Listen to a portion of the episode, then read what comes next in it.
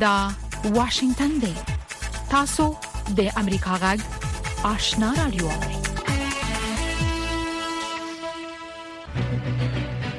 قدرمن اوریدونکو السلام علیکم زه شافیا سردار یم دا د امریکا جغ آشنا را دو خبرونه پیښوا لومړی به خبرونه واوري ویان احمد الله چیوال د افغان جون او خصو په چارو کې د امریکا ځانګړي استاذي رینا اميري له ټولو هیوادونو له هغې ډلې د افغانستان له ګاونډیانو غوښتي چې د کډوالو د حقونو د ساتنې په برخه کې پر خپلو ژمنو او مکلفیتونو عمل وکړي. مېرمن امیري پرون پر خپله ایکسپاڼه لیکلي چې د سیاسي پناه غوښتونکو حقونو ته باید درناوی وشي او دا خبره دې یقیني شي چې کډوال له جبري ایستلو څخه خوندي وي. په ورته وخت کې د طالبانو د حکومت چارواکو د پاکستان پر دې پرېکړه سخته نیوکه کړې، ویلي دي چې دا اقدام به دوه اړخیزې اړیکې زیانمنې کړي. له پاکستانه د افغانانو د ایستلو لړۍ روانه ده او په دې ترڅ کې پرون هم زرګونه کسان د سپین بولدک او تورخم له لارې افغانستان ته ورسېدل. باختر خبري اژانس چې طالبان یې اداره کوي، د سپین بولدک ولسوالۍ د کډوالو د چارو د امیر مولوي عبداللطیف حکیمي له قوله راپور ورکوي چې یوازې پرون د سپین بولدک چمن له لارې شاوخوا پنځلس زره افغانان هېواد ته ستانه شول. حکیمي وايي چې دا د تېرو درېیو ورځو تر ټولو لوړه شمېره وه. نوموړی اټکل کوي چې په راروانو ورځو کې له پاکستانه د راستنېدونکو افغانانو په شمېر کې ښايي نور زیاتوالی هم راشي. د ملګرو ملتونو د بشري مرستو د همغږۍ اداره، اوچا، وايي، له هغې بسپنې څخه چې د هرات د زلزلې له مصیبت ځپلو سره د مرستې لپاره یې راغوښتې وه، یوازې په سلو کې شپږ ویشت یې ترلاسه کړې. اوچا په یوه راپور کې چې پرون یې خپور کړی، ویلي، چې د ژمي په درشل کې یې له زلزله ځپلو سره د مرستې لپاره څه باندې درې نوي میلیونه ډالر بسپنه غوښتې وه. په راپور کې راغلي چې مرستندویه موسسې په سیمه کې اړو خلکو سره د خیمو، نغدو پیسو، خوړو، روغتیايي خدماتو او نورو برخو کې مرسته کوي. د هرات د زلزلې د زیانونو په اړه د اوچا په دوهم راپور کې ویل شوي چې دې زلزلې له اته څلوېښت زرو ډېر کورونو ته زیان اړولی چې له دې ډلې لس زره کورونه په بشپړ ډول ویجاړ شوي. شپږو افراطي وسله والو نن د پاکستان د پنجاب ایالت په میاوالۍ کې د هوایي ځواک پر یوې روزنیزې اډې برید کړی او درې الوتکې یې زیانمنې کړي. د پاکستان پوځ په یوه اعلامیه کې ویلي چې درې وسله وال دغې اډې ته تر ننوتلو مخکې وژل شوي او درې نور را ایسار کړای شوي. د پوځ په خبره په پېښه کې درې الوتکې او د تېلو یو ټانکر زیانمن شوی. د پاکستان پوځ ویلي، چې دغه برید شنډ شوی، د پوځي پرسونل او د شتمنیو خوندیتوب ډاډمن شوی. له امریکا غږ څخه خبرونو ته دوام ورکړو، په پاکستان کې د تاوتریخوالي د پېښو په دوام د دې هېواد پوځ نن ناوخته خبر ورکړ،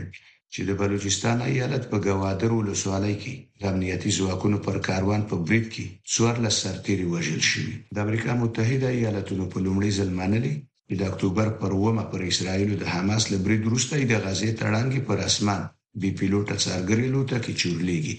د امریکا دفاع وزارت ویاند برید جنرال پټ رایډر په یوه بیان کې ویلي، چې ډرون الوتکې د یرغمل شویو د څرک د معلومولو د هڅو په خاطر فعالیت کوي. په بیان کې راغلي، چې د امریکا متحده ایالتونو د غزې پر اسمان د بې پیلوټه بې وسلې الوتکو څارګره څارنه کوي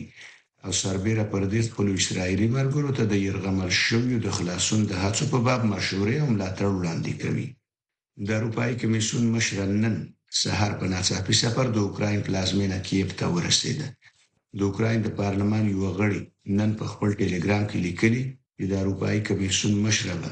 د اوکراین پارلمان ته وینا هم وکړي. دا سفر داسې وخت کیږي چې ټاکل شوې اروپايي ټولنه روانه اونۍ په دې ټولنه کې د اوکراین د غړیتوب د وړاندیز پر پرمختګونو خپل راپور وړاندې کړي.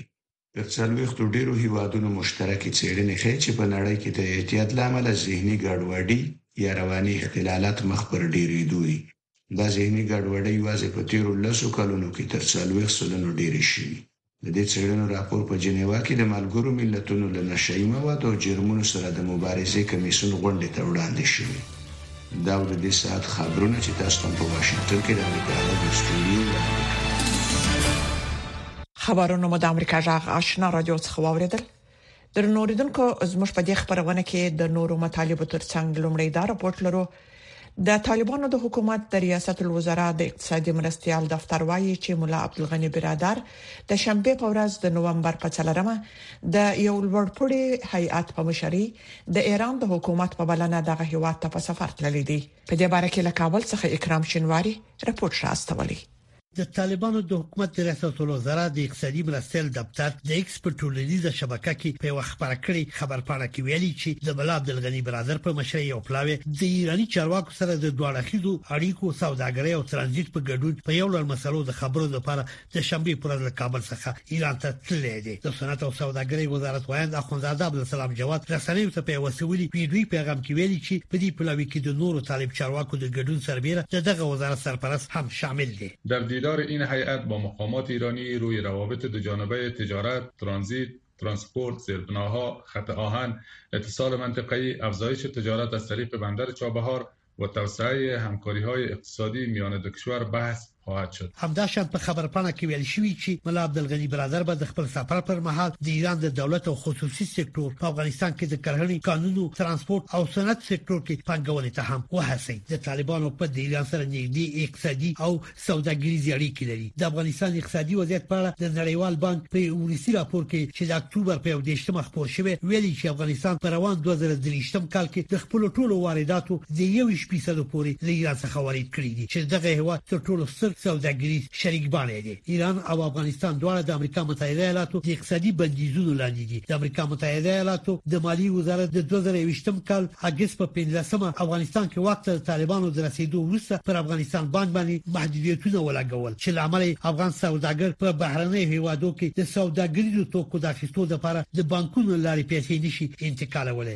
او ایران هم د اوږدې مودې راهیسې د نړیوالو بندیزونو سره مخ دی ملا برادر په داسې حال کې ایران ته تللی چې د طالبانو د حکومت او پاکستان حکومت ترمنځ په دې وروستیو کې اړیکې نسبتا سړې شوې د افغانستان د سوداګرۍ او پانګونې د خونې چارواکي وایي چې په دې وروستیو ونیو کې په کراچۍ کې د پاکستان د ګمرک مامورینو په یو اړخیز ډول دغه بندر لارې افغانستان ته یو زیات شمیر ترانزیتي توکو باندې بندیز لګولې دی اسلام آباد کې د افغانستان سفارت چې طالبان لخوا اداره کیږي د پاکستان په ګمرکونو کې د نوي کړنلارې لمخې په زرو افغان ترانزیټي مالونو د بندیزونو د لګولو خبر تایید کړی دی دغه سفارت د اکتوبر په لومړیو کې په خپل پاڼه کې لیکلي چې په ګمرکونو کې د نوي پلي شوی اقدامات د افغانستان او پاکستان ترمنځ د سوداګرۍ او ترانزیټ د تړون اپټا سره په ټکر کې دي افغانستان او پاکستان د سوداګرۍ او ترانزیت تړون په 2010 کال کې د پخواني جمهوریت حامد کرزي په دوره کې لاسلیک کړی چې د 2020 کال د فبرورۍ په میاشت کې اجرایي موده پای ته رسېدلې پاکستان حکومت دا ګڼي چې ځینې سوداګریز توکي د افغانستان د نفوس د شمیر پر تله په زیاته اندازه دغه هیواد ته واردېږي چې بیا وروسته د غیر قانوني لارو پاکستان کې پلورل کیږي او دغه هیواد ملي اقتصاد ته زیان راځي. پاکستان حکومت تر اوسه افغانستان سره په سوداګرۍ او ترانزیت په برخه کې د نوو محدودیتونو په اړه په رسمي ډول څه نه دي ویلي، خو په یو مکتوب کې چې د افغانستان او پاکستان د سوداګرۍ ګډې خونې د طالبانو د حکومت د صنعت او سوداګرۍ وزارت ته استولی، پکې پر ځینو سوداګریزو توکو د پاکستان د حکومت لخوا د بندیزونو د لګولو یادونه شوې. په دې سوداګریزو مالونو کې د موټرو پرزې، څو چه، ټیرونه، ټوکر،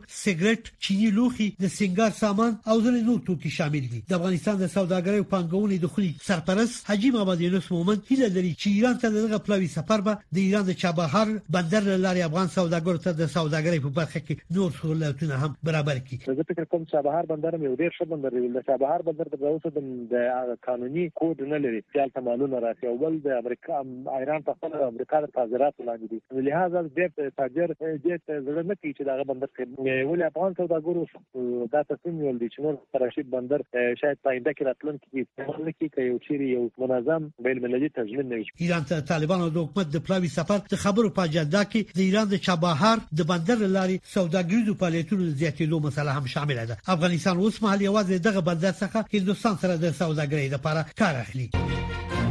انتظار پای ته ورسید ترنو لیدونکو او اوریدونکو تاسو کولی شئ د امریکا غټ ټلویزیونی او رادیوي خبرونه د یاشر ساتلایت له طریقو وګورئ او واورئ د نوي ساتلایت لارې تاسو د آشنا اتصال او کاروان ټلویزیونی خبرونه کتلای هم شئ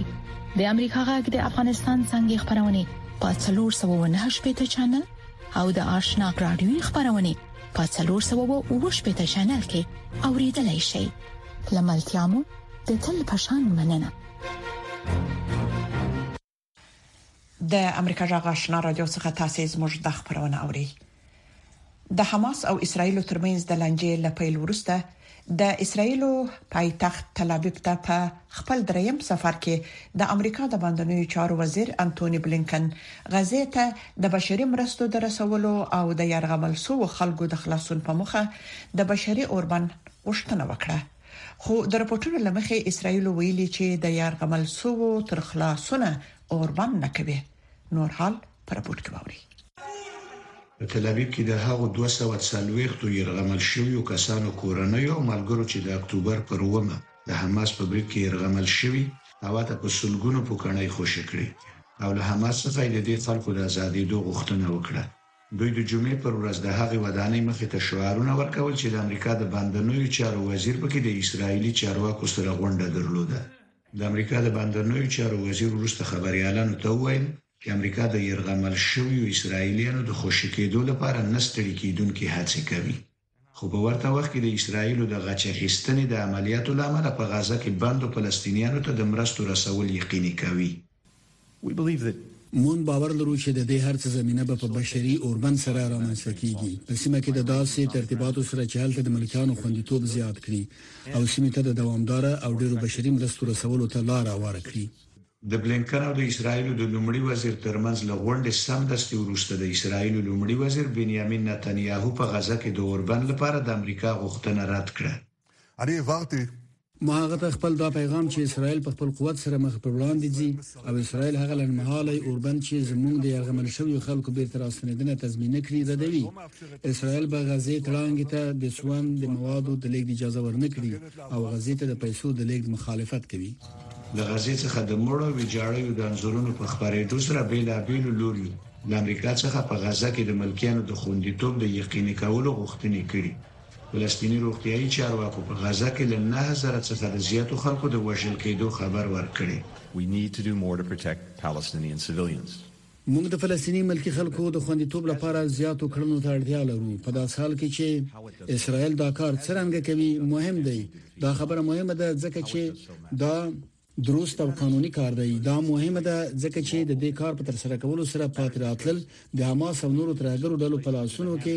لوبېدل دي چې د بشري ناورین قرباني شي او دوی دغه ناوړه حالاتو د متصور شوی بې تفاوتۍ لامل منځوي شي د سولې په هڅو کې به بیا هیڅ ملاتړی نه وي. د اسراییلو د پخواني لومړي وزیر یهود بارک د دفتر رئیس وايي چې د بلېنکن د سفر بله موخه د لانجې د پراخېدو مخنیوی دی. د نوموړي د سفر دویمه موخه زه فکر کوم دا ده چې د اسراییلو له دښمنانو سره دفاعي چلند وکړي. د ایران او د ایران نیابتي ګروپونو لکه حزب الله ته یو ډول خبرداری ورکوي چې په شمال کې د جګړې بل محاذ پراننیزي. dare to open a second front in northern Israel. د جګړې له پیل څخه وروسته په خپل لومړنۍ اعلاني وینا کې د حزب الله مشر د پولې له بل لوري په نخوتو کې په ښکېلېدو سره د جمعې پر ورځ جګړې ته د خپلې ډلې د ورداخلېدو خبر ورکړ.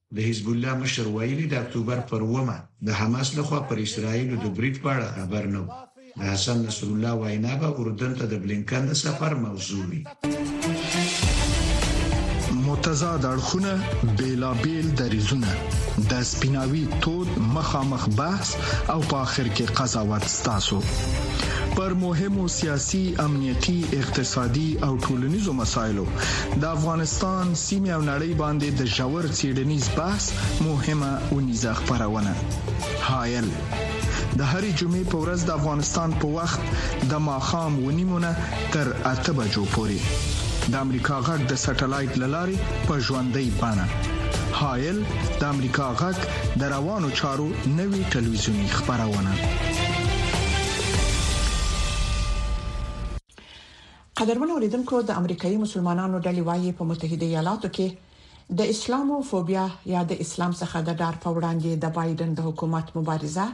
باید په غزه کې د ملکی کسانو له خوندیتوب سره په یو وخت مخ ته ولاړ شي پر اسرایل د حماس له برید وروسته اسرایلی ځواکونو پر غزه پراخ پوځي عملیات پیل کړي چې له امله یې په زورګونه فلسطینیان وژل شوي دي نور حال په دې رپورت کې د اکتوبر په ومه پر اسرایلو د حماس له برید وروسته د اسلاموفوبیا یا د اسلام څخه د ډار پیښې مخ په زیاتېدو دي یو مورد تیر میاشت د کرکې له امله د یو فلسطیني امریکایي وژنه وه یو یو اویا کلن زوړ سړی د یو شپږ کلن ماشوم د پاسه کینی او څه باندې شپږ ویشت ځله یې په چاړه وهي په غزه کې د جګړې په زیاتېدو سره په امریکا کې د اسلام او يهودیت په وړاندې کرکه زیاته شوې ده د امریکا حکومت په می میاشت کې د يهودیت سره د کرکې په وړاندې د مبارزې ملي ستراتیژي خبره کړه. دې حکومت یوازې په تیرو اونیو او یا هم تیرو میاشتو کې نه، بلکې دا پروسه یې د تیر کال په دسمبر میاشت کې پیل کړې ده. دا د سپینې ماڼۍ لپاره مهمه ده چې د اسلاموفوبیا په وړاندې د مبارزې پلان جوړ کړي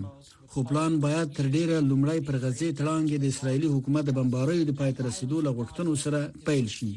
په غزه کې تاوتریخوالی په امریکا کې د فلسطینی امریکایانو د نخښه کېدو په ګډون په نړۍ کې د ناارامۍ او کرکې د زیاتېدو لامل کیږي سپینه ماڼۍ دا ردوي چې د حکومت د اسلاموفوبیا د نوښت اعلان له اسرایل څخه د ولسمشر بایدن د ټینګ ملاتړ په خاطر شوی دی دا ستراتیژي د یوې واقعي علاقمندۍ پر اساس په امریکا کې د هغه کرکې په وړاندې جوړه شوې چې کولای شي د واقعي کسانو په وړاندې د واقعي ګواښونو او تاوتریخوالي لامل شي. یو شمېر مسلمانانو ګواښ کړی چې د دوه زره او څلوېښت م کال په ولسمشریزو ټاکنو کې به د بایډن پر ضد رایه ورکړي. تاسې د جګړې پلوي یاست او موږ له همدې امله تاسې په خپله جګړه کې یوازې پرېښودي یاست. او موږ د غزې د ماشومانو ملاتړ کوو بایډن یوازې پرېږدي اکثریت مسلمانې ډلې په دې باور دي چې بایډن او د هغه دیموکرات ګوند د دوی رایو ته په کمه سترګه کتلې دي متفاوت لارې شته چې موږ دې مشکل ته رسیدګي وکړو د ترامپ ولسمشري هم نشي کېدای ځواب ووسی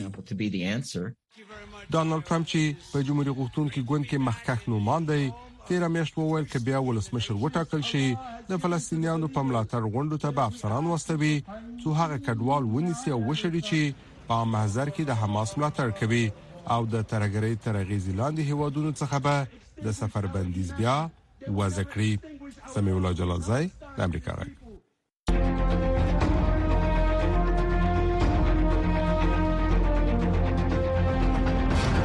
اتصال زموږ او ساسي پیوستون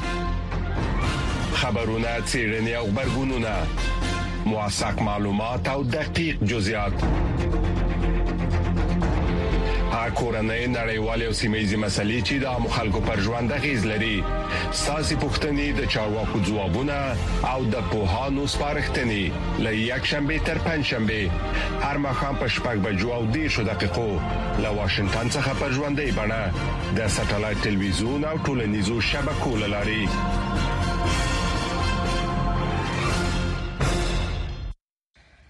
د امریکا جغ آشنا رادیو څخه تاسو زموږ د خبرونه اوري د لبنان د حزب الله سختریزه ډله چې په غزه کې د جنگ له پیل کېدو راهیسې د لبنان او اسرایل په سرحد کې له اسرایلی ځواکونو سره په خال خال نشوتو بوخته ده د حزب الله رهبر حسن نصر الله د جمعې په ورځ خپل تلویزیونی وینا کې د لومړي ځل لپاره د دغه جنگ په اړه خپل دریځ څرګند کړ د بیروت څخه د امریکا غږ د خبريال جیکوب روسل د رالیږلي رپورټ خلاصه سید سلیمان شاه تاسو ته دراوروي. د حزب الله سرمنشي حسن نصرالله چې متحده ایالاتو په تور لیست کې نیولی او د فلسطین د حماس د سازمان ملګری ګڼل کیږي د وینا د اوریدلو لپاره چې له ډیر وخت نه انتظار کیده د جمعې په ورځ په ټول لبنان کې خلک راجمع شوي وو. د لبنان او اسراییلو د سرحد په غاړه د اکټوبر په اوومه پر اسراییلو د حماس له برید وروسته د دواړو خواوو ترمنځ کړکیچونه دوام لري، خو تر دې شېبې پورې دواړو یو پر بل یوازې په محدوده کچه ځوابي بریدونه کړي دي. ډېرو دا ګومان کاوه چې حسن نصرالله به د اسراییلو په خلاف راسن جنګ اعلان کړي.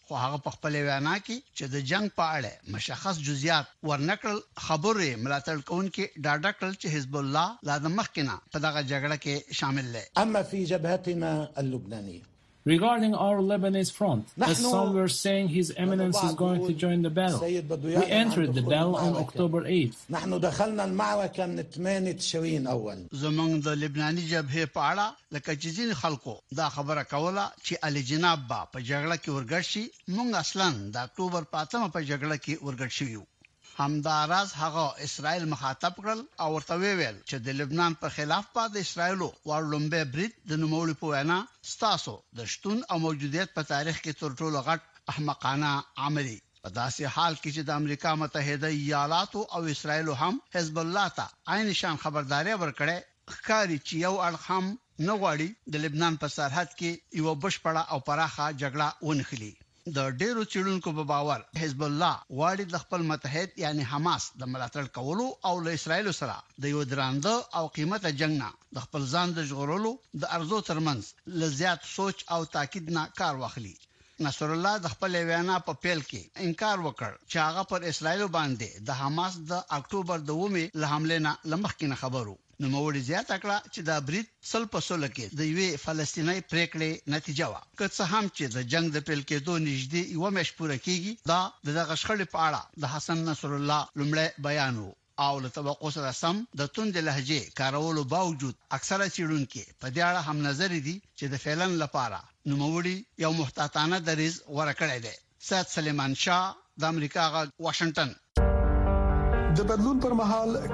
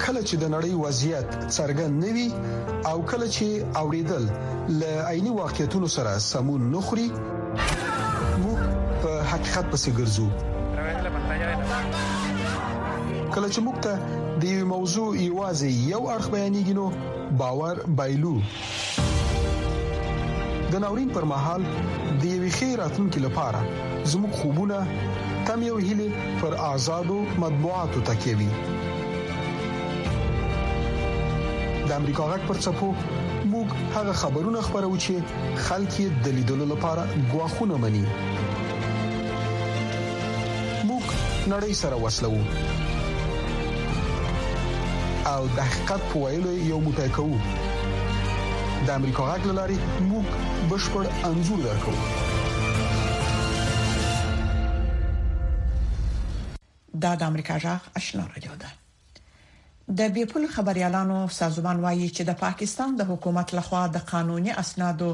نه لرونکو افغان کډوالو د ايستلو د روان بهير په لړ کې په دغه هېواد کې ميشت له دوو سوو څخه زيات افغان خبريالان هم په جبري ډول د ايستلو د خطر سره مخامخ دي سره له دې چې پاکستاني چارواکو ويلي غير قانوني کډوال باسي خو یو شمېر کډوال وايي چې پوځیانو یې کورونه ویجاړ کړي او په زور ایستل کیږي. نور حال په دې رپوټ کې. په داسې وخت کې چې له پاکستان څخه د افغان کډوالو ایستل دوام لري، د بې پولې خبریالانو سازمان په یوې اعلامیې کې ویلي چې له پاکستان څخه افغانستان ته د خبریالانو ستنول د هغوی ژوند د ګواښ سره مخ کوي. پاکستان کې میشتو یو شمېر خبریالانو د بې پولې خبریالانو سازمان ته ویلي د هغې نټي راهیسي چې د پاکستان حکومت له دغه هیواد څخه د قانوني اسنادو نه لرونکو افغانو کډوالو د ایستلو پریکړه کړې د هغوی پر وړاندې تاوتریخوالی زیات شوی او د پاکستاني پولیسو لخوا د خپل سره نیولو ځورولو او د بړ اخیستلو له ګواښونو سره مخ دي د بې پولې خبریالانو سازمان د پاکستاني چارواکو څخه غوښتي چې دغو خبریالانو ته د هغوی د امنیت د خوندیتوب لپاره په دغه هیواد کې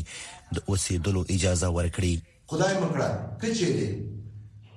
افغان خبریالان په زور او جبر سره له پاکستان څخه وایستل شي، دا به یو لوی ناورین رامنځته شي، ځکه چې افغان خبریالان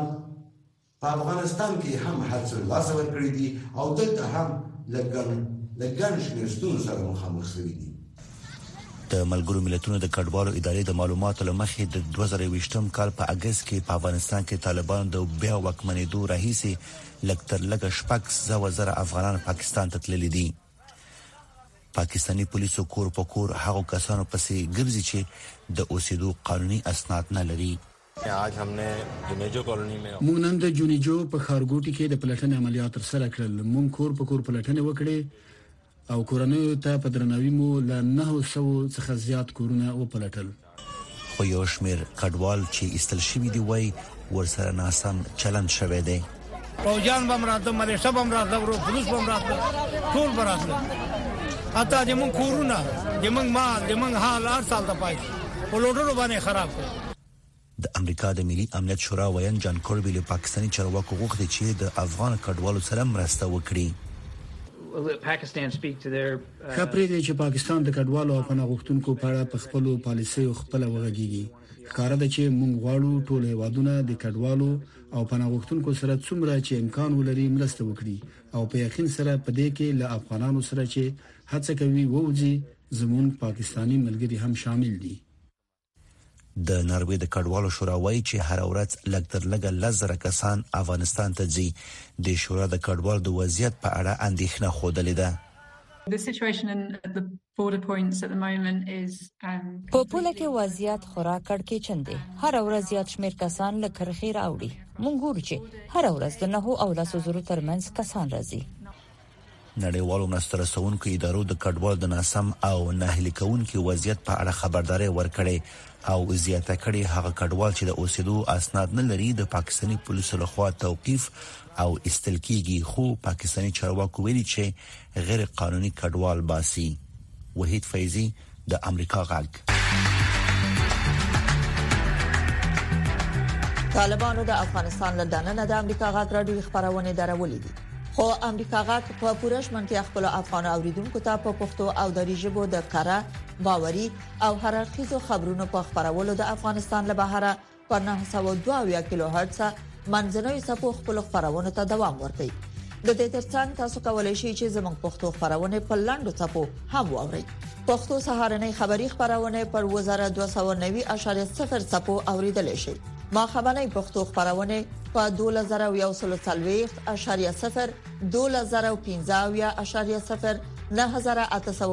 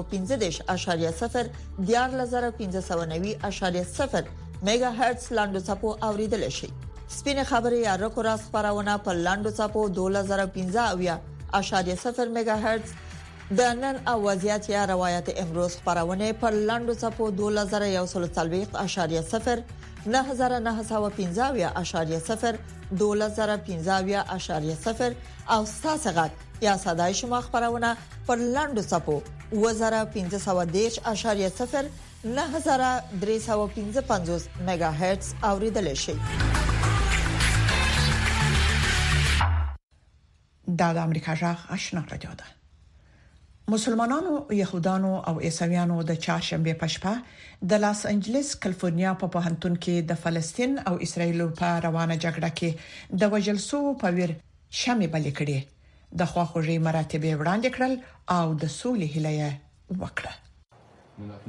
د لاس انجلس د کالیفورنیا په پوهنتون کې د دې پروګرام منتظمینو له ګډونوالو څخه د هر ډول بیرغ د نه ځوړندولو غوښتنه کړې وه دوی د فلسطینیانو او يهودانو دواړو لورو لپاره د اسرایل او فلسطینیانو پر روانه جګړه کې د دوی د وژل شوی عزیزانو لپاره د ماتم په خاطر راټول شوی وو د يهودانو د تاریخ استاد دیوید مریز وایي چې نور باید د تاوتریخوالي هغه سلسله چې دواړه فلسطینیان او یهودان یې قرباني دي پای ته ورسیږي. د شمعو بلولو د دغه مراسمو څخه مو موخه دا ده چې غواړو خلک سره رانژدې کړو. موخه دا ده چې دوی یو بل د بشر په توګه وپیژني تر څو دوی نه یواځې خپل بلکې د نورو غم درک کړي داسې یو فرصت رامنځته کړي چې په نړۍ دې هیواد او یقیناً په اسرایل او فلسطین کې ډیر کم دی. سلام المارتي د مسلمانانو د عامه چارو د ټولنې رئیس دی. هغه وايي.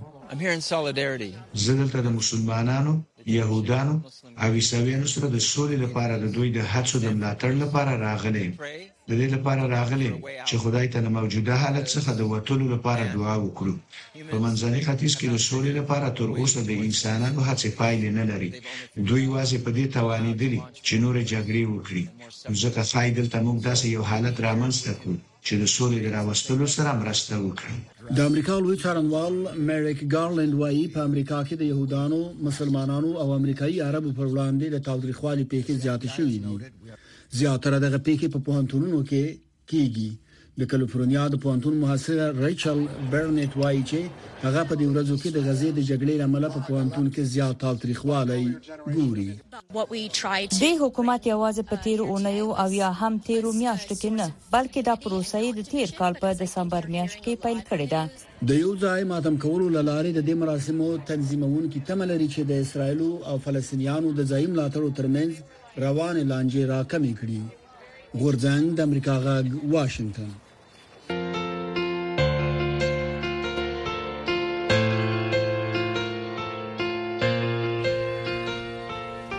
درنوریدونکو زموږ د خبرونه په همدې ځای پای ته ورسیده د امریکا جغ آشنا را دوه خبرونه دوام لري